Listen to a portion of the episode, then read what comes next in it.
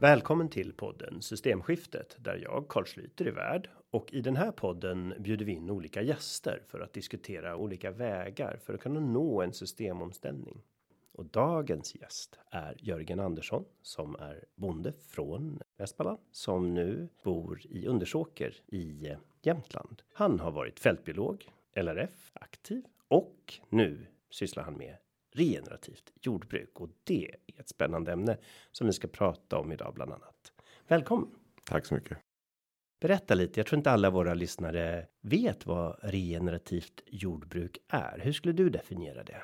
Mm, vi är ju som ett nätverk här i både globalt och lokalt och vi diskuterar mycket just vilken är den bästa definitionen och eh, det vi har kommit fram till är att formulera oss så att eh, att relativt lantbruk det är att möjliggöra den högsta tänkbara vitaliteten i våra ekosystem och göra det genom att tillfredsställa våra mänskliga behov. Så att vi kan så att säga genom att vi människor får det bra så ska våra ekosystem kunna få det ännu bättre. Det är alltså ett jordbruk som bygger på samarbete med naturens inneboende kraft och vilja till liv snarare än att dominera och kontrollera. Kan man säga att det stämmer? Det kan man säga. Det kostar alldeles för mycket att dominera och kontrollera. Vi behöver ha ekosystemens egen kraft till vitalitet för att vi ska kunna klara det här framåt. Och rent praktiskt då om jag vill odla havre. Mm. Eh, vad är skillnaden mellan eh, regenerativt eh, jordbruk och vanligt? Om man är hardcore, om man säger så, då undviker man de här monokulturerna som som havre är ett exempel på. Eh, det är en sån här som man kan göra på i mindre omfattning, för det är ju gott att ha lite grann lite så. Men jag menar utgångspunkten att försöka få naturen att få uttrycka sig så så naturligt som möjligt och då blir det inte så mycket monokulturer på det sättet utan det blir annan typ då så att man ser sig själva grund. Det som har varit det dominerande ekosystemet i så många miljoner år är ju de här eh, perenna gräsmarkerna och de är ju så att säga startpunkten med med inslag av skog och träd eh, överallt. Vi ser dem i olika varianter på olika delar av planeten. Så eh, det handlar mycket om att djuren behöver ha sin del i landskapet.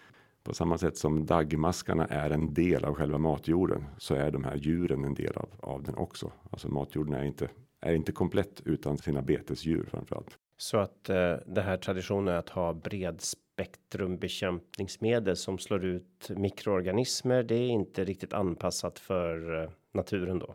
Nej, verkligen inte. Alltså de kemikalieanvändningen är ju inte ens på kartan när man säger så. När det här växte fram då.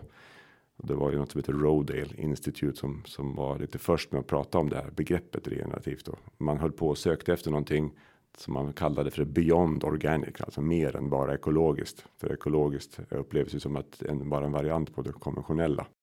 Ja, du kan ju ha en storskalig havreodling eh, som ekobonde förstås. Det kan du ha absolut, men det, det är liksom ett sätt att göra samma sak fast lite mindre giftigt om man säger så och det är bra, det är inte det. Men det här handlar om att försöka hitta ett sätt att samspela betydligt mera med naturen. Jag tyckte du sa någonting intressant här om maskar. Jag, mm. jag älskar faktiskt maskar måste mm. jag känna. Jag tycker de verkligen är en symbol för livet i jorden. Absolut. Och jag minns därför särskilt när jag gick på KTH så hade vi en biologilektion och så skulle vi gräva upp en meter ängsmark och en meter åker och vi var ju bara någon meter från åkerkanten och då lyckades vi hitta en mask på en hel kvadratmeter medan det var kommer inte exakt ihåg, men jag tror det var runt 40 eller fler faktiskt som vi hittade på ängsmarken bredvid. Och när du säger att det ska vara livgivande så känns det inte riktigt så att en normal åker idag har så mycket liv i sig. Nej, precis. Det är en bra indikator. Utan maskar så har vi inte den fart i jorden som som vi behöver ha. Det du gjorde var ingen. Eh, det var ett bra mått helt enkelt. Låt åkermarken få återgå till ett mer naturligt tillstånd, så kan man säga. Ja, för eh, en del säger då att ja, men vad ska vi äta? Allt vi äter är ju beroende av eh, vete och alla andra grödor, men då då är det ju så att mycket av det vi odlar idag äter vi ju inte själva, eller hur? Dels äter vi dem inte själva. Det är de här stärkelse och socker och vegetabiliska oljor som är våra monokulturer som vi inte äter så mycket själva, utan de går till djurfoder i hög i hög grad. Men de har den fördelen att de kan ge en hög marginal. De är väldigt, väldigt billiga att producera om dieseln inte är för dyr och så vidare. Och man kan få ha sina maskiner. Därför är det vi äter dessa dessa monokulturer då. Det är inte bra för någon. Och det är ju inte bara diesel man tillsätter. Det går ju åt ganska stora mängder konstgödsel som i sin tur oftast är gjord på fossilgas till exempel. Ja, ett onödigt resurslöseri att bruka enligt monokulturens principer. Men om jag hade industrin här bredvid mig nu skulle de ju säga att ja, men eh, det blir alldeles för lite mat om vi inte gör så här och dessutom så måste vi ha det här för annars kan vi inte föda jordens befolkning. Vad svarar du då? Snart är vi 10 miljarder människor på den här planeten och det är ju någonting som vi har anledning att vara oroliga för om man säger så. Vi behöver tänka till på det. Men 1,4 fotbollsplaner, en, en hektar och 10 miljarder människor. Om vi, har, om vi har en hektar vardera, för det finns en hektar för varje människa när vi är 10 miljarder. Och då pratar jag om en hektar som har en produktivitet. Vi pratar inte om öknen eller där vi har asfalterat eller något sånt. Då räcker det med den lilla ytan som är bara 300 kvadratmeter, alltså en, en litet hörn där 16 gånger 16 meter av fotbollsplanen. Om vi då odlar matintensiva, alltså grönsaker, rotfrukter på den ytan som kräver mycket arbete. Men sån mat på den lilla rutan av den här hektaren. Det ger oss tre kilo sådana grönsaker, rotfrukter att äta varje dag året runt så att vi kan tugga oss trötta på det. Ja, alltså jag har ju under särskilt nu under corona så har jag utökat min lilla odling och jag har ju då 2000 kvadratmeter trädgård, men ungefär drygt hälften är ju naturtomt med ängs och sluttning och in till ett naturreservat. Men på de andra 900 kvadratmeter då som inte är naturtomt. Mm. Det är ju bara en tredjedel av den som ger den här effekten du talar Precis. Om. Du har tre personer som kan käka tre kilo om dagen av de eh, rotfrukterna, vitkålen, de här eh, morötterna och de som här.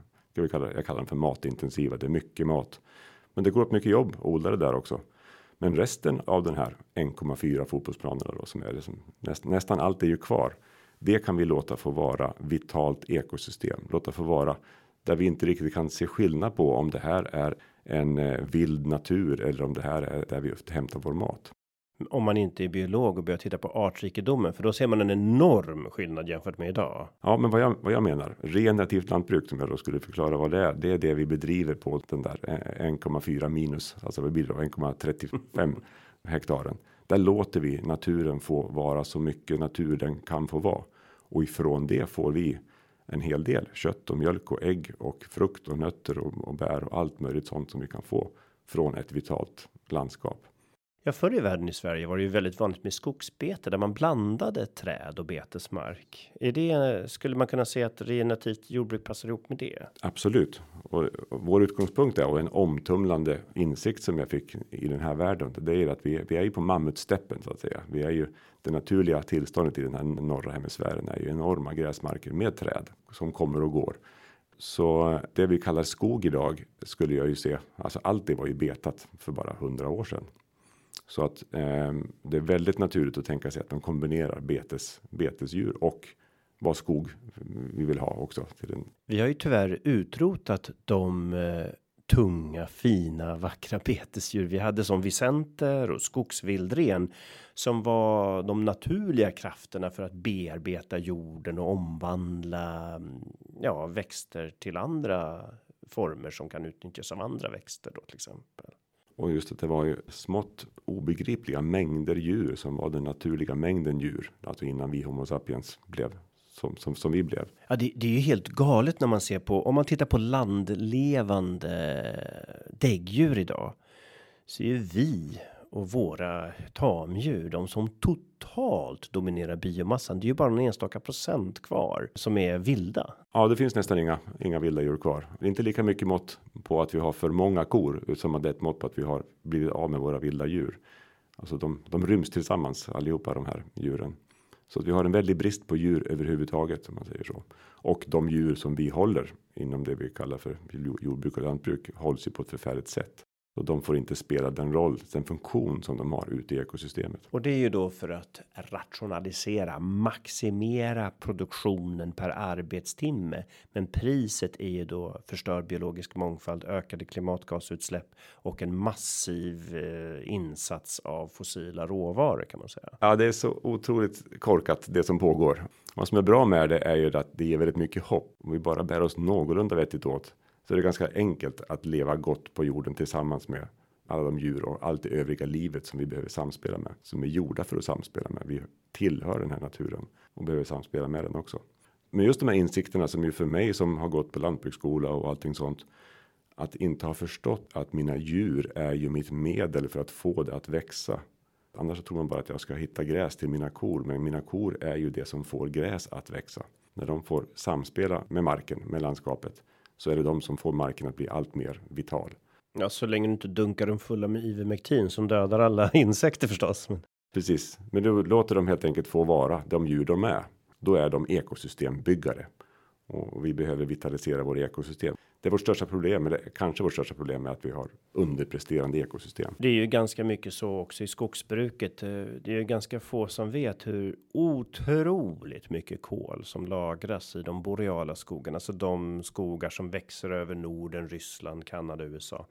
Att de till och med innehåller mer kol än alla tropiska skogarna tillsammans. Mm. Det är många som inte tänker på det, så det gäller ju samma även skogsbruket då.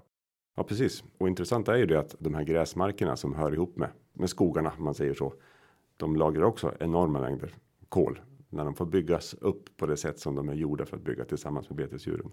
Nu minns inte jag exakt, men jag kommer ihåg att det var någon landskapslag där man ställde kravet på att man skulle lämna över en eh, tjockare jordmån till nästa generation än vad man själv fick. Att det var där man såg värdet. Mm. Och våra jordmånen, matjordslagret, är ju historiskt byggt av de här betesdjuren på de här eh, perenna gräsmarkerna. Och de är enorma. Alltså vi har ju, vi har ju historiskt dokument när spanjorerna kom till norra Amerika och det var sådana enorma mängder gräs där i det som numera är mer mindre öken. Sedan de betesdjuren utrotades därifrån och eh, degraderade sen hela det ekosystemet. Det här är ju, vi pratar ju ofta om metangasutsläpp från tamdjuren då. Och nu är jag ju kemist, jag kanske nördar ner mig lite här nu, men, men vi har ju hydroxylgrupper då som reagerar med de här om det finns terpener som då kommer från skogarna närvarande så ökas metannedbrytningen i de lägre delarna av atmosfären. Så just det här skulle också kunna göra att metangasutsläppen från de här djuren som når atmosfären och därmed kraftigt bidrar till växthuseffekten. Hade man då en bättre balans här där terpenerna, solljuset, vattenångan kan blandas för att få en snabbare nedbrytning av det metan som faktiskt frigörs.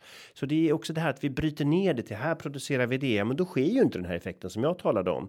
Och här har vi skog, ja, då sker ju inte Alltså de här positiva feedbackmekanismerna som finns i ett naturligt integrerat jordbruk försvinner ju med dagens system. Vad säger du om det? Ja, för det här är ju, vi pratar ju om komplexa system. Ja, jag förenklade väldigt mycket. Ja, jag, förstår det. Men min, min poäng just nu är ju det att hela grejen med regenerativt lantbruk, det är att liksom eh, ge upp inför dess komplexitet och förstå att det här kommer du inte att begripa. Vad du än tror så kommer du så har du ändå inte förstått hur komplext det här är.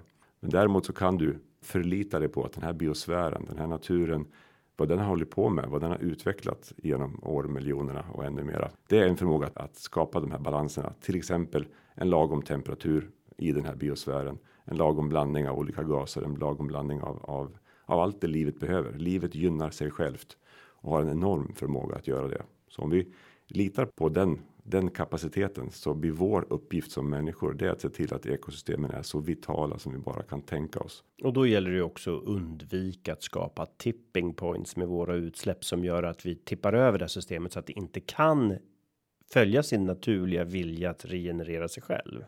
Absolut är det så, men men just den här möjligheten som vi har som någon slags jordens trädgårdsmästare, det vi ska kalla det för. Vi har en enorm förmåga att hjälpa ekosystem att bli ännu mer vitala. Men det vi gör nu är tvärs emot. Vi försöker hindra dem så mycket vi kan. Ja, just för det. Men det kanske ligger lite grann i det här begreppet just trädgårdsmästare, de ordval vi har, att vi ska dominera och kontrollera, att vi ser vår roll som en del av systemet snarare än en mästare över det och ser att vi kan absolut använda. Vi behöver använda vår omgivning och vårt ekosystem precis som allt annat levande, men att vår effekt på det inte då blir destruktiv utan regenererande. Ja, jag håller med dig helt och hållet där och sen håller jag lite fast i det där mästarordet. Och då gör jag det därför att jag tycker det är viktigt att vi människor förstår att vi har inte valet att inte påverka. Vi bestämmer över varenda kvadratmeter på den här planeten just nu. Vi kan tycka illa om det och vi kan fly från det ansvar som det innebär, för det är ett jädra ansvar att det är vi som bestämmer över allt sammans på det här stället den här makten vi har. Vi kan diskutera den på alla möjliga sätt, men vi kommer inte undan den. Vi har det ansvaret hur marken än ser ut så har vi varit med där och bestämt det och låt oss göra det med ödmjukhet inför den komplexitet och den, den kraft som naturen har. Ja, men det här med den ödmjuke mästaren då, den, den, kan, den tanken kan jag acceptera. För, för då blir det ju lite grann så att eh, man också ser sitt eget ansvar. Den här podden handlar ju om systemskiften. Men många systemskiften blir ju bara möjliga. Vi har faktiskt ett avsnitt med Göran Greider där vi pratar mycket om det här med ja, men all förändring börjar med att vi tror att vi har makten att förändra, att vi inte måste invänta någon central kraft som gör det åt oss, utan att vi själva organiserar underifrån. Sen följer normalt sett då makten när folket har börjat organisera om sig och kräva en omorganisering. Och om vi skulle omorganisera jordbruket till en systemförändrande kraft, vad tror du man skulle börja behöva dra i då?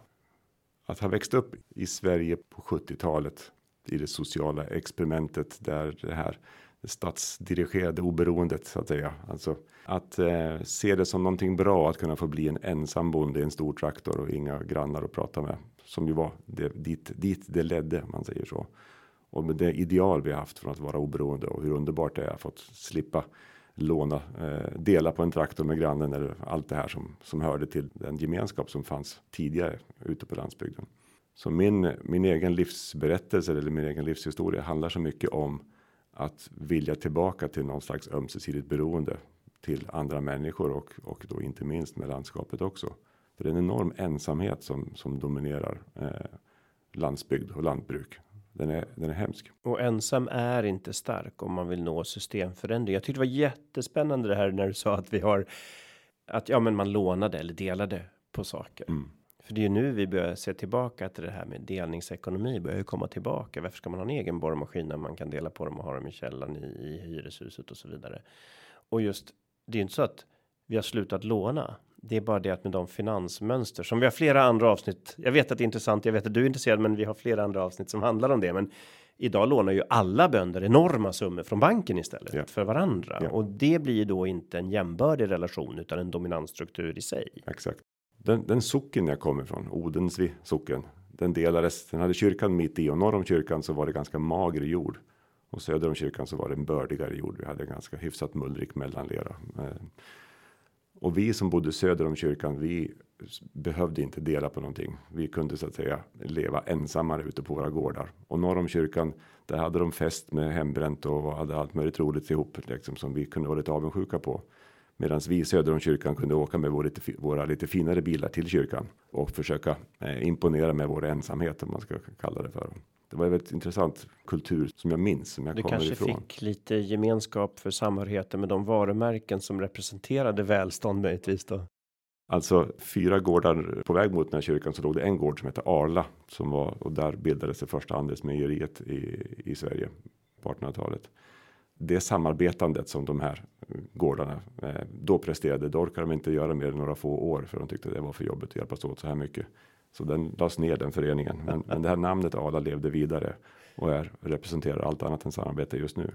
Ja, vilken intressant eh, anekdot och och då kommer jag ju osökt in på för Arla för mig representerar ju egentligen är det ju eh, en kooperativ producentförening till sin image så att säga. Men eh, för mig är ju kooperativa strukturer där man då har ett direkt samarbete. Och jag ser ju när jag går och handlar i mataffären. Nu även om jag då under corona har odlat mycket mer själv och det är en helt underbar känsla att kunna plocka lite basilika till eh, både lunch och middag och allt möjligt sånt. Men om man tittar på mm, strukturerna så är det så att om jag handlar någonting i affären så får ju du ganska lite av mina pengar som jag gick dit med, eller hur? Ja. Och det kom ju en del av de här olika eh, ringarna och kontraktsbruk där man direkt kontrakterar en jordbrukare för att man ska få en direkt relation. Hur ser du på den utvecklingen? Vad, vad kan man göra mer där? Hur kan det regenerativa jordbruket passa bättre in i ett samarbetssamhälle snarare än ett konkurrenssamhälle? Den här ensamheten som jag pratade om då som ju då är så att säga mellan bönderna också. Men ännu mera kanske att vara skild ifrån de människor som man odlar mat till. Att inte träffa dem som man gör mat till. Ja, det är, det är tragiskt man säger så. Det gör det svårt för mig att känna det ansvar jag har gentemot den som jag gör mat till. Så att att få den sortens direkta relation att kunna eh, ta sig runt dessa mellanhänder, mellanväggar, vare sig de är banker eller, eller industrier eller butikskedjor och som ju då fungerar som en som en vägg mellan de som jobbar i landskapet och de som ska äta maten efteråt. Det är en enorm möjlighet när man är så trött på den här ensamheten att få chansen att få träffa de här människorna och låta de människorna få förstå den komplexitet som vi har att arbeta med och låta deras reaktioner på den och deras delaktighet i det få styra hur vi brukar marken framåt i tiden. Genom att hitta de exemplen och en av de, en av de bästa exemplen som jag vet, det är ju då att låta kor få vara kor och göra mjölk av gräs och göra det på ett sådant sätt att man då kan eh, få ta del av en del av den mjölken som som det som inte kalven behöver kan vi människor få att, att förstå hur, hur vackert det systemet är uppbyggt och hur det har byggt hela vår ekonomi, särskilt i Skandinavien och så vidare. Den här enorma förmågan som vi kan bygga på idisslare. Där är det ett, ett, eh, ett förtroende som blir extra mycket uttryckt när vi håller på med den färska mjölken, den som kommer direkt från en ko utan att gå via någon varken pastörisering eller någon industri eller någonting sånt. Och känsliga lyssnare varnas nu och vill uppmanas kontakta Livsmedelsverkets hemsida för att varna för detta farliga eh, begrepp. Men eh, jag måste säga det. Mm. Ja, det, det, kan du säga och jag är stolt över att ha varit i rättegång för att ha sålt opastöriserad mjölk och, och blev, blev friad ifrån det eftersom det inte var olagligt att göra det vid den tidpunkten. Jag kan inte berätta om allt om det, men jag kan berätta om att den här symboliken som ligger i att jag som bonde tar hand om min ko på ett sätt som människor tycker om och få se vad som, hur, hur vackert samspelet är mellan gräset och kon. Och att vi kan få den här eh, maten direkt ifrån det systemet. Det är en, eh, en pedagogisk höjdare kan man säga då för att förstå hur nära vi behöver vara. Hur alla människor behöver ta reda på hur ser det ut där din mat kommer ifrån. Och vad där med alla dina värderingar om vad som är bra och dåligt och etiskt och oetiskt. Vi bönder behöver konsumenternas engagemang ända in på skinnet liksom, för att det ska kunna bli bra. Ja, och även de konsumenter då som av andra skäl inte vill använda produkter från djur. Om man då till exempel skulle dricka havremjölk som jag själv har köpt och så. Men då tittar vi på om jag betalar 18 kronor för en havremjölk i affären. Hur mycket av de pengarna går till dig som sålde havren? En 20 öre kanske det känns ju som en helt orimlig relation mellan pris för det arbete och den natur som finns och eh, vad du får till din del och vad naturen får till sin del om man säger så. Ja, men det följer bara den logik om att ju den produkt som har mest marginal är den produkt som eh, blir mest såld i butiken och marknadsförs hårdast. Och då kan ju vi eh, se så här att om jag istället gav den hel krona för den här havren så kommer jag fortfarande otroligt mycket billigare undan. Precis som regenerativt jordbruk kräver lite mer arbetsinsats. Sen kan det vara tid och det kan även delvis robotiseras. Jag har en bekant som tillverkar en väldigt liten elektrisk eh, automatiserad robot som hjälper till med monotona eh, moment för månskensbrukare till exempel. Så det behöver ju inte alltid vara mänsklig arbetskraft, även om det är en del av betydelsen i det hela, så behöver inte allt vara mänsklig arbetskraft. Mm en, en 400 kilos elektrisk robot drar ju oerhört mycket energi än en 10 tons traktor. I alla fall. Mm. Men i alla fall då, om, om vi då skulle göra den här mjölken själva då, så är det ju alltså oerhört lätt. Det är ju bara att blanda en liter vatten med 2,5 deciliter havregryn och en tesked salt och låta det stå och sen sila av och så får man ju då omaket att behöva skaka den här mjölken för den är ju inte homogeniserad mm. när jag gör den mm. själv. Mm. Men men det här skulle ju kosta mig en krona eller ännu mindre 25 öre mm. per liter kanske. Ja. Uh, och du skulle fortfarande få då fem gånger mer betalt för havret. Uh, det verkar ju som en bättre deal för båda oss. Varför blir det inte så här då? Varför uppstår inte det här? Och vad skulle vi kunna göra för att det ska uppstå? För att det finns några andra som skulle förlora väldigt mycket på det om vi gjorde det. Det är så enkelt som det. Dessa enorma belopp som kan gå till dessa mellanhänder och systemet om vi säger så. Då. När jag var EU-parlamentariker, jag var EU-parlamentariker tio år förut och då bildade vi faktiskt en grupp där vi försökte mm, hängna in eh, de här stora kedjorna. Det är ju en otrolig dominans för många matvaror i EU så är det färre än fem företag som har över 80% av marknaden, en total marknadsdominans alltså eller oligopol som man kan Japp. kalla det för. Och då skapade vi en grupp och det gäller då både i producentledet och i försäljningsledet. Och de här äh, bristen på konkurrens skapar två saker. Dels enorma storskaliga flöden som distanserar oss från det vi äter och den som har producerat det vi äter. Plus att det skapar en enorm maktfördelning i samhället till att bevara de här strukturerna och att kapital centraliseras. Och jag vet att du och jag har båda intresserat oss för lokal ekonomi. Så jag skulle vilja höra lite grann. Vad tycker du kan göras för att stärka den lokala ekonomin? Precis som du beskriver så kan man ju förfäras över de, dessa krafter och hur stora de är och hur de växer sig allt starkare. Och så kan man hitta ett hopp i det också för att ju, ju galnare det här blir. Havremjölken är ett sådant exempel. När, när människor vill väl och, och tror att nu gör jag någonting bra och så har man bara skickat alla sina pengar till det här systemet. Så att när insikterna kommer så att allt fler människor tar reda på saker själv och det är en otrolig tid vi har nu med internet och med allt som gör att människor informerar sig på ett sätt som gör att jag är väldigt hoppfull och alternativet blir lokal ekonomi. Så att regenerativt lantbruk och lokal ekonomi är intimt förknippat eftersom det bygger på en allians, en allians mellan mellan vanliga människor och vanliga bönder och det landskap som vi alla är en del av. Det är vi som behöver så att säga hitta varandra och hjälpas åt och se till att vi kan vitalisera ekosystem och vi behöver inte tjäna så mycket pengar, vi behöver inte vara så stressade över att ha så mycket lön om vi bara lever närmare mer direkt av landskapet. För precis som du beskriver det så kostar det mindre att göra det. Det är ju någonting som man verkligen lätt skulle kunna se behovet av att känna att man har makt. Och det får man ju när man är mer jämbördiga. Och ju mer av våra relationer ekonomiska som blir mer jämbördiga, desto större chans är det också att dessa ekonomiska relationer blir bredare än en strikt kapitalistisk ekonomi där jag bara betalar för en tjänst.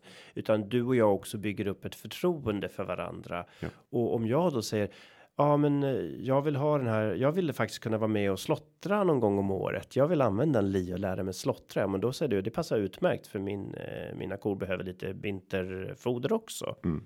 Och då kan man hitta samarbeten och, och det skapas en solidaritet. Relationen blir inte strikt monetär utan den blir bredare och det de möjligheterna ökar ju med lokal ekonomi. Mm. Och det, vi är precis på väg åt det hållet. Jag åker direkt från den här poddinspelningen till en plats där vi då där den ensamma bonden istället kan bli en gård där kanske 20 stycken är den som jobbar på den gården och kanske är det 200 stycken runt omkring som är med och, och, och stödjer det här initiativet och får sin mat därifrån. Som ett sådant exempel. Vi bygger sådana här modeller lite varstans nu då.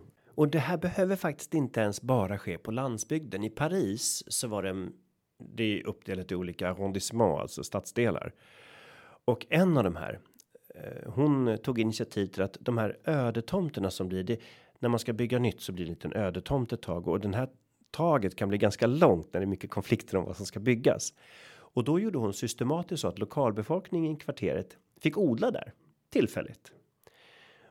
Och inte bara blev det en oas med mindre buller och en oas med grönska och pollinerare och en landningsplats för fåglar där de kunde få pusta ut i stadsavgaserna. Utan det blev också en oas där samarbete snarare än konkurrens rådde. Mm. Där man gemensamt hjälptes åt. Så det här blev inte bara en luftkvalitetsförbättrare utan en social förbättrare, en ekonomisk förbättrare för de som då kunde få lite av sin föda med insats av tid snarare än pengar. Eh, så det här är inte bara någonting som kan ske eh, bortom stadsborna utan det är faktiskt så att vi kan samarbeta rakt av även för oss som bor i städer. Absolut. Och det här sker ju i alla möjliga former. Detroit eller Havanna på Kuba. Det sker, sker på många, många platser. Precis detta. Att människor helt enkelt hittar varandra, hitt, hittar mark som de kan göra någonting vettigt utav. Odlar mat tillsammans. Har du provat det här med att man har kontraktsfarmning, det vill säga att jag hjälper till att finansiera sådden och jag hjälper till att finansiera produktionen av grödan i förväg och så får jag det som produceras, men jag vet inte exakt vad det blir och hur mycket det blir. Eh, men man eliminerar eh, bondens ekonomiska risk kan man säga. Det här har varit väldigt framgångsrik eh, med romer i Rumänien bland annat. Tror du det är någonting som skulle kunna användas i Sverige? Ja, det, det, det händer i Sverige. Vi, vi kallar det ibland för CSA när vi, det är Community Supported Agriculture som mm. har funnits länge i Amerika och, mm. och REKO är ju nästan en nästan en variant. Det, det, det, blommar på alla möjliga sätt. Ja, det här med rekoringar har ju verkligen exploderat har jag sett. Det är ju kul. Ja, och det jag själv var med och gjorde då som det företaget som vi kallar för fjällbete för, för nu nästan 20 år sedan. Det var ju också en, en sån variant av det att kunna bjuda in de som eh, skulle så att säga äta den här maten till att bli delägare i verksamheten som vi som vi skapade då. Så att jag ser bara det att det har pågått i det i, i lite i skymundan i, i, i många, många år detta och nu är det på väg att, att blomma upp i tusen varianter och det sätter jag mycket hopp till. Men eh, vad säger du då till den som säger ja, men jag har barn och jag har långa arbetsdagar och jag måste välja pensionsfond och elbolag och telebolag och jag har minst inte tid. Jag har 40 miljoner grejer att göra varje dag. Jag har inte tid att hålla på och ägna mig åt det här. Vad säger du till en sån människa? Ja, det är fritt och frivilligt för var och en att göra efter sin förmåga och initiativ. Mm. Det är skönt att de inte behöver tvinga någon. Nej, men jag ser ändå och jag kanske för att jag haft en bakgrund i politik då, men att det är faktiskt min skyldighet att en människa som kanske vill göra det, men känner saknar förmågan att man inte skapar system som hindrar människor från att göra det de vill göra och jag tycker nog ändå att dagens metod att ta ut all effektivisering som vi brukar kalla det för till konsumtion snarare än att kunna göra någonting med sin tid som man skulle vilja göra. Så jag ser ändå av klimatskäl och andra skäl och det här kommer vi prata om i en podd om arbetstid och klimatutsläpp. Men just det här att för mig ser det ut som att regenerativt jordbruk skapar en relation med naturen som man egentligen skulle vilja ha. Och tid för att göra det här är faktiskt någonting som man skulle kunna skapa att en systemförändring ibland blir medberoende processer att om tillräckligt många längtar efter att kunna delta i det här, ja, då kanske kraven på att andra saker än maximal köpkraft med hjälp av maximal skuld är det som dominerar samhällsdebatten. Min kommentar är den att den här processen som vi som bönder och, och som jag då säger alla personer har en, en utmaning eller kan utmana sig själva att bli, göra sig mer ansvariga. Att välja att vara ännu mer ansvariga. Att välja att vara lite mindre offer. Det är det vi ofta blir. Det är både otäckt och spännande att göra det.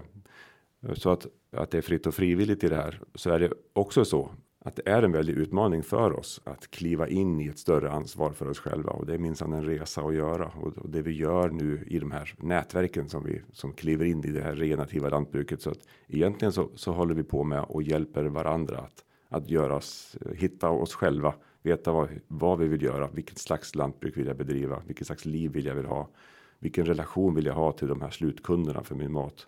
Och, och parallellt med det så gör människor det i, i stan också då. De vill också liksom göra sig mer ansvariga för att äta det som de mår bra utav och ha en, en, en relation så att de här hittar varandra. Plopp, plopp här och var så hittar de varandra då och det blir väldigt vackert möte mellan mellan dessa konsumenter som inte längre vill vara alienerade från sitt landskap. Så jag ser det hända hela tiden och jag ser vilken kraft det blir hos de här framtidens bönder som ofta inte kommer alls från lantbruksbakgrund. De kommer från helt annan bakgrund och de eh, sätter igång med saker och de bjuder naturligt in så att säga människor till sin bit av landskapet och hur ska vi göra här och hur ska vi göra här? Hur frustrerad man än må vara över sin livssituation som man är just nu så finns det steg att ta. Man gör det e-, en sak och en sak till och man hittar på. Eh, man, man får aha-upplevelser att oj var det så, oj var det så. Och sen är det egentligen bara att ta ett steg i taget och det kommer att leda till starkare lokala ekonomier. Det kommer att leda till den här sortens lösningar som vi nyss pratade om. Där man delar på det finansiella belastningen över året för att odla en, någon, odla en trädgård eller något sånt. Så att det är, jag ser det som en ostoppbar kraft att människor vill inte längre vara så alienerade som det heter, och så skilda ifrån. Jag tänker ju osökt på Uddebo, inte långt från Borås, där det var mm, ja, nedgånget avfolkningsbygd, några äldre kvar, men som hade gått i pension huvudsakligen. Mm. Och så var det några unga människor som upptäckte att här var ju väldigt fint, otroligt billigt. Här har jag till och med råd att skaffa min egen bostad och började renovera och så blev det kulturarbete kring det där och lokalt jordbruk och de integrerade många aspekter av livet, kultur, jordbruk, småskalig produktion, konstnärlighet och så vidare. Där de här alla olika bitarna tillsammans gav en fullt rimlig försörjning samt framförallt då kraftigt minskade kostnader både för kapital och för konsumtion. Mm. Och de här äldre som bodde där blev ju otroligt glada att se att den, deras hembygd levde upp och då kunde man ehm, ja, men få en relation med de äldre som hade erfarenhet av bygden och de yngre som hade nya idéer och det här eh, blev en inflyttningsbygd byggd på kultur av samarbete snarare än konkurrens. Och det var lite den reflektion jag fick när du beskrev vart det går nu. Just att det är nya unga människor som eh, som upptäcker det här men så har vi också en, en del i det som du som jag tänker att du ger exempel på där också. Det finns ju ofta en bild av att jag måste köpa mig en gård för enorma pengar jag inte har. Jag, jag kan inte få tillgång till mark. Och det är väldigt sant att den här med markägandet är en super super fråga globalt sett. Vem ska ha tillgång till marken? Alltså den, den måste vi hålla på med jättemycket den frågan. Men det kan också vara så att man överdriver hur svårt det kan vara att få faktiskt ha tillgång till mark. Så att ofta är det så att de som här, de som tar de här initiativen de hittar verkligen markägare som säger men jättegärna. Du får jättegärna göra saker här. Alltså markägaren har ju i sig ett problem att att ha mark som man inte vet vad man ska göra med eller inte förstår hur man ska sköta den.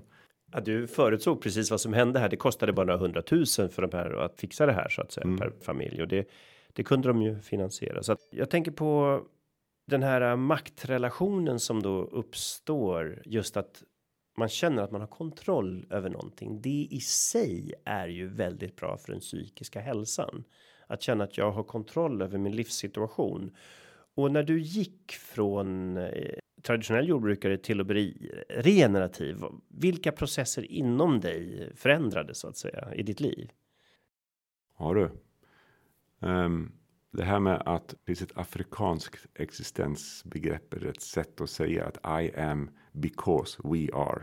När man förstår att jag är en produkt av människorna jag har runt omkring mig och den relation jag har med dem är det som gör det möjligt att vara den jag vill vara. Om jag vårdar den relationen så kan jag bli någonting mer likt det jag faktiskt vill vara. Och det är egentligen det här som är grunden för det här med holistic management som vi kallar det för också. Då. Så den upptäckten att den här kontrollen eller egentligen så ska vi vilja undvika ordet kontroll och säga den här känslan av sammanhang som jag kan vara trygg i, som jag kan lita till. Att jag har människor omkring mig som eh, som inte låter mig falla. Det är en, en trygghet och en någonting som är mycket bättre än den sortens kontroll man man brukar jaga efter. Jag är redan såld. Jag, jag tar tillbaka mitt kontrollord 100% Jag tycker det var mycket bättre beskrivet mm. så som du gjorde det nu. Mm. Men vad fick dig att eh, våga göra det här? Hur gick det till? Ja, det vet jag ju inte riktigt, men jag, jag tycker ju om det här begreppet om att inget är så kraftfullt som en idé vars tid har kommit. Och vi befinner oss just nu i en paradigmskiften av flera slag. Och sen råkar jag vara en sån sån figur som hör till den variationen i gruppen som hoppar iväg på nya saker och gör göra tvärt emot andra och sånt så att. Jag känner jag aldrig igen, skulle jag nej, aldrig göra. Nej, det förstår du inte alls, inte alls på det sättet. Så att så att eh, det är mer den den slumpen att få vara den konstiga figuren i en tid då saker verkar behöva hända och ändras på. Men, men det var en, en variant av, av svar. Den andra varianten är ju egentligen den att den här ensamheten som jag växte upp i ute på den här gården där man liksom var där oberoendet var var så hyllat att få att klara sig själv. Det motsvarar det av att människor ska bo ensamhushåll i en lägenhet någonstans också att det är bra att man är att vi hyllar ensamheten i det här landet och den här kulturen på ett sätt som jag tror att har fått oss att, vara färdiga och spy åt det om man säger så. Alltså kanske lite grann också maskerat som ett oberoende ja. där de beroende man har är dolda snarare. Ja, så att den här statsdirigerade ensamheten så att säga är, har vi en motreaktion till. Jag känner att det själv är en sån som att jag vill inte ha det så. Jag hade kunnat vara en en av de där bönderna på den där största traktorn eller ensam i min traktor. Jag hade kunnat vara och vinna plöjningstävlingar. Ja, just det. Det höll jag också på med. Eh, precis. precis. Så jag, det fanns en verkligt tydlig vilja att jag vill inte ha det där ensamheten liksom. Det är det inte värt. Nu är det ju så här att det är inte alla som vill sticka ut utan det är bekvämt att passa in. Det, mm. det är riskfritt. Men om man då väljer att sticka ut och övergå till regenerativt jordbruk. Finns det någon familj som kan ta hand om en och ta in en i en mm. gemenskap? Mm, precis, verkligen.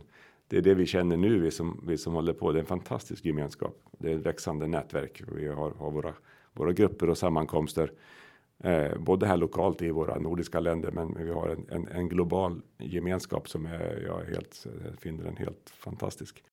Så att eh, från, det blir det nu, 12 år sedan tror jag, så först kom i kontakt med det här med holistic management och relativt lantbruk. Så har det varit en eh, enorm resa av att hitta vänner, hitta, hitta familj, om man säger så. Men då uppstår ju nu frågan, LRF ska ju ta hand om sina medlemmar. Och då känner jag att Ja, men om jag har närmare relation med den som äter maten, om jag har mindre insats av kapital och råvaror och fossila produkter.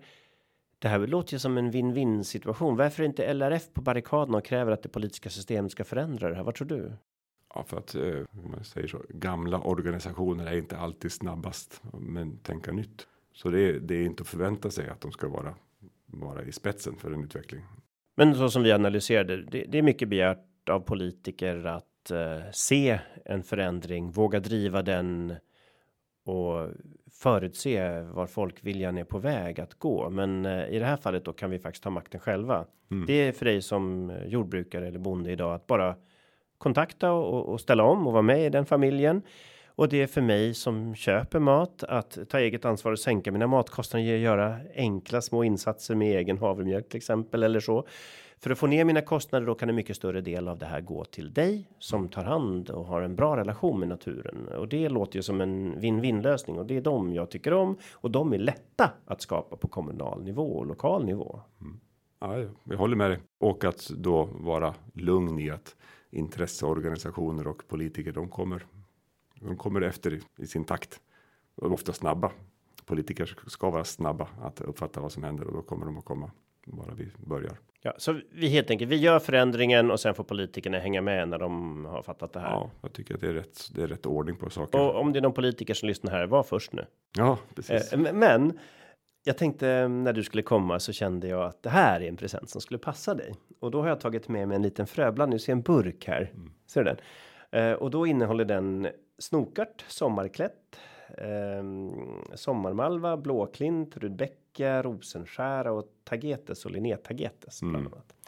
Och jag tänker att det här känner du antagligen igen då som ängsväxter i en härligt blommande äng, eller hur? Mm. Och mm, det här är ju allihopa de här är ju naturliga arter som har funnits här som trivdes i det gamla jordbruket. Så de får bli en liten symbol för den framtid vi ser framför oss tänkte jag. Så tack så mycket. Och de, inte nog att de trivdes i det gamla jordbruket, de har funnits här sedan mammutarnas tid. De här, den här diversiteten som hör till vårt landskap har ju så att säga eh, har varit där oerhört länge och det är bara för oss att försöka eh, ge den möjlighet att få återskapas. Ja, mammutarna kan vi ju inte återskapa, men vad vi kan få tillbaka. Ett av de stora betesdjur vi faktiskt hade i modern tid ändå nästan. Det var ju Vicenten och den mm. finns ju kvar Mm. Uh, och den planteras nu ut i Rumänien där den börjat förvilda sig och i Polen finns den ju återigen vild. Så lite av den här gamla stora betesdjuren kan vi ha kvar och då kan de kanske samsas om marken med de kor som vi har. Ja, det är som det funkar det här så är det ju precis så det går till när vi gör det här i, i Afrika så, så kommer de vilda djuren snabbt tillbaka tack vare alltså man kan säga att korna banar väg för de vilda djurens återtåg. Det är fantastiskt hur fort det går hur fort naturen kan så att säga studsa tillbaka. Bara vi slutar plåga den, bara vi inte längre står i vägen för den, det är det första steget. Då kan vi sen dessutom hjälpa till lite grann och det kan vi ju verkligen göra. Ja, det, det, går oerhört fort på i min egen trädgård så har jag då inte klippt mm. stora delar och alltså de här stora magnifika brunfjärilarna kommer tillbaka efter bara ett par år mm. när de som fick utrymme att blomma upp eh, började göra det. det det är det som är så tacksamt att jobba med jord, att den, den har en fantastisk förmåga att vilja återhämta sig. Ja, och det, det vi inte har, har nämnt om eh, redan här just nu då, så är det just när, när det får växa upp på det där sättet och hur då sen betesdjuren får komma in och göra sin del av de här växternas eh, förlopp. Hur de helt enkelt är eh, oumbärliga i ett sådant system som du kanske kan kopiera med en gräsklippare eller någonting. Men ja, det är ingen fara. Jag har så gott om rådjur och istället för att bli arg på dem ja. att de käkar upp alla potatisblommor så kanske man kan eh, glädjas åt det arbete de faktiskt bidrar med hemma ja, vid. Vi måste verkligen ha de här betesdjuren. Vi har ju tagit upp många ämnen här idag och under hela vårt samtal har vi ju faktiskt integrerat lösningar hela tiden. Och jag brukar vara noga med att den här podden inte bara ska ta upp alla de problem och utmaningar och så vi har utan också komma med lösningar och en del av de saker vi har pratat om är just regenerativt lantbruk. Om du vill sammanfatta det, vad, vad är den stora vinsten för ekosystem och människa? I och med att regenerativt lantbruk är att möjliggöra den högsta tänkbara vitaliteten i ekosystemen. Det vill säga i biosfären, att biosfären och naturen ska få, få blomma och växa så mycket det bara mycket bara går. Så är det ju ett av våra allra största problem just nu att, att våra ekosystem underpresterar. Vi plågar dem så att låt dem få återta sin fulla vitalitet och en ännu mer vitala än vad de någonsin har varit tack vare att vi kan hjälpa dem. Och därigenom så, så vinner vi både en framtid för vår egen försörjning av mat och vatten och allt sånt som, som, som ekosystemen ger oss. Så det är helt enkelt förutsättning för att överleva, inklusive klimatförändringar och sånt. Allt det kan hanteras av en så vitalt vitala ekosystem som vi bara kan få fram. Ja, allt liv bygger på det. En annan sak vi har pratat om är ju också det här med hur viktigt mellanmänskliga relationer är. Att inte mm. allting bara blir pengar och maktstrukturer utan värdet av att vi gör saker gemensamt. Så hur skulle du sammanfatta det? Så bland ekosystemprocesserna som vi lär oss om i detta med relativt lantbruk så pratar vi om artsamspelen. Och hur hjälper arterna varandra på en viss plats i det landskapet och hur kan vi hjälpa dem hjälpa varandra ännu bättre? Men ett ännu mer spännande, eller ett särskilt spännande artsamspel är ju det vi gör oss emellan, vi människor. För om vi gör det på rätt sätt så är det det som i sin tur leder till att vi får en mer vitala ekosystem. Så det här med att vi människor är människor med varandra på ett bra sätt är själva förutsättningen för en vacker och vital natur att leva i. Ja, och ett vackert och vitalt samhälle där där man inte understryker konflikten utan samarbetet Precis. kanske också. Ja. Och då blir det en naturlig koppling också till en annan sak vi pratar om det här med lokal ekonomi. Hur ser du på fördelarna med det?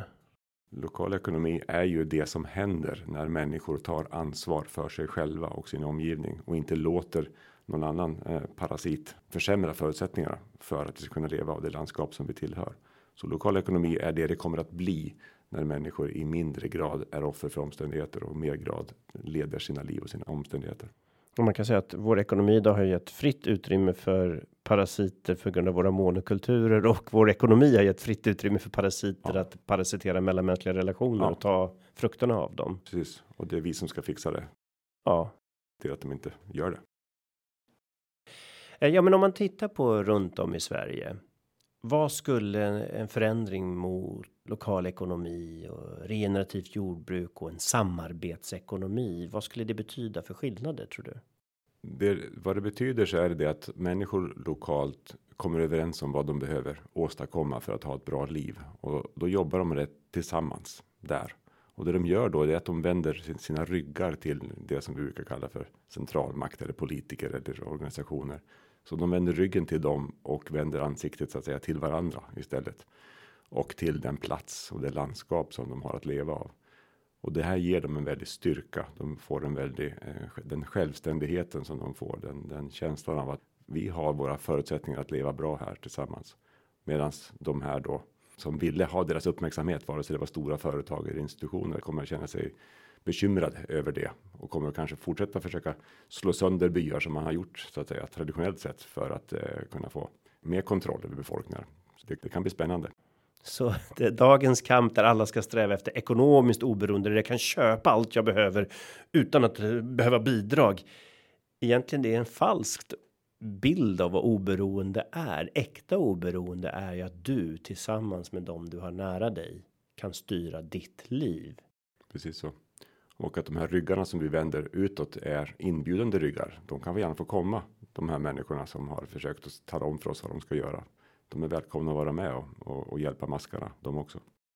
Ja, precis, för då, men då blir det en annan relation att då blir det vilka strukturer som allt är beroende av på den lokala nivån uppåt kan resten av samhället stötta och förstärka snarare än att bryta ner och centralisera. Då det blir ju en helt annan roll. Ja, och den, den match som vi kommer att se precis nu, när nu när relativt lantbruk har kommit i, i ropet, nu när etablerade organisationer och institutioner har hört talas om det.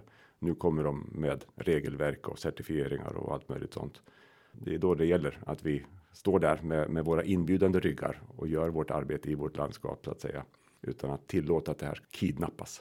Ja, men det är ju väldigt intressant det här med kontrollsystem och övervakning. Det blir ju naturliga behov i en global ekonomi där producent och konsument är så långt ifrån varandra att det blir enda sättet att mäta någon slags förtroende för att det du gör, det är okej. Okay. Precis så och att certifiering och märken är eh, kommunikation när man inte har relation. Man säger så. Ja, och det är ju det då det här skulle kunna leda till att kommunikationen blir en relation. Det blir ju då äkta konsumentmakt ja. och äkta producentmakt där den hör hemma. Ja. Idag är det ju en marknadsavdelning som bestämmer vartåt vi ska gå och så lyckas de sälja in den tanken.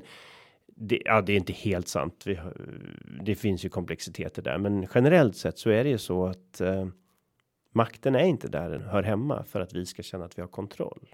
Nej, och till syvende och sist så ramlar det ner på den enskilda människans val att göra sig ansvarig och säga så att jag och mitt liv och mina närmaste, det måste jag ta hand om. Det är där det börjar. Det är där som så att säga som vi kopplar greppet på den här önskade framtiden som vi vill ha. Ja, för ofta när vi pratar om systemförändring så är det många som tycker att eh, ja, men jag som individ, jag är offer för systemet. Jag kan inte ändra det.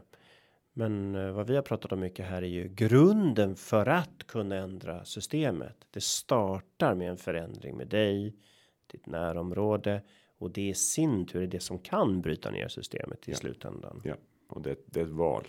Jag väljer att ta ansvar för alltihop. Och då inte känna skuld för att du ibland inte kan göra det du skulle vilja välja på grund av att systemet faktiskt inte gör det möjligt just idag. Mm. Men du kan ta det första steget. Ja precis. Jag eh, drar undan själva bränslet för systemet genom att ta ansvar för mig själv. Mm, exakt. Ja, jätteintressant. Och tack så hemskt mycket för idag känner jag verkligen att vi har fått många härliga glada tips och energi för att faktiskt fixa det här. Så väldigt kul att du kunde komma hit. Tack. Tack för att ni lyssnade på dagens program som gjordes av Greenpeace där producent är Alexia Fredén. Ljudtekniker är Christian Åslund och värd är jag, Carl Schlyter. I nästa avsnitt kommer vi träffa Gloria Ginvaga från Afrikagrupperna och vi kommer prata om hur de globala livsmedelsflödena påverkar livet långt bortom vår tallrik och vad vi kan göra åt det. Vi ses nästa vecka.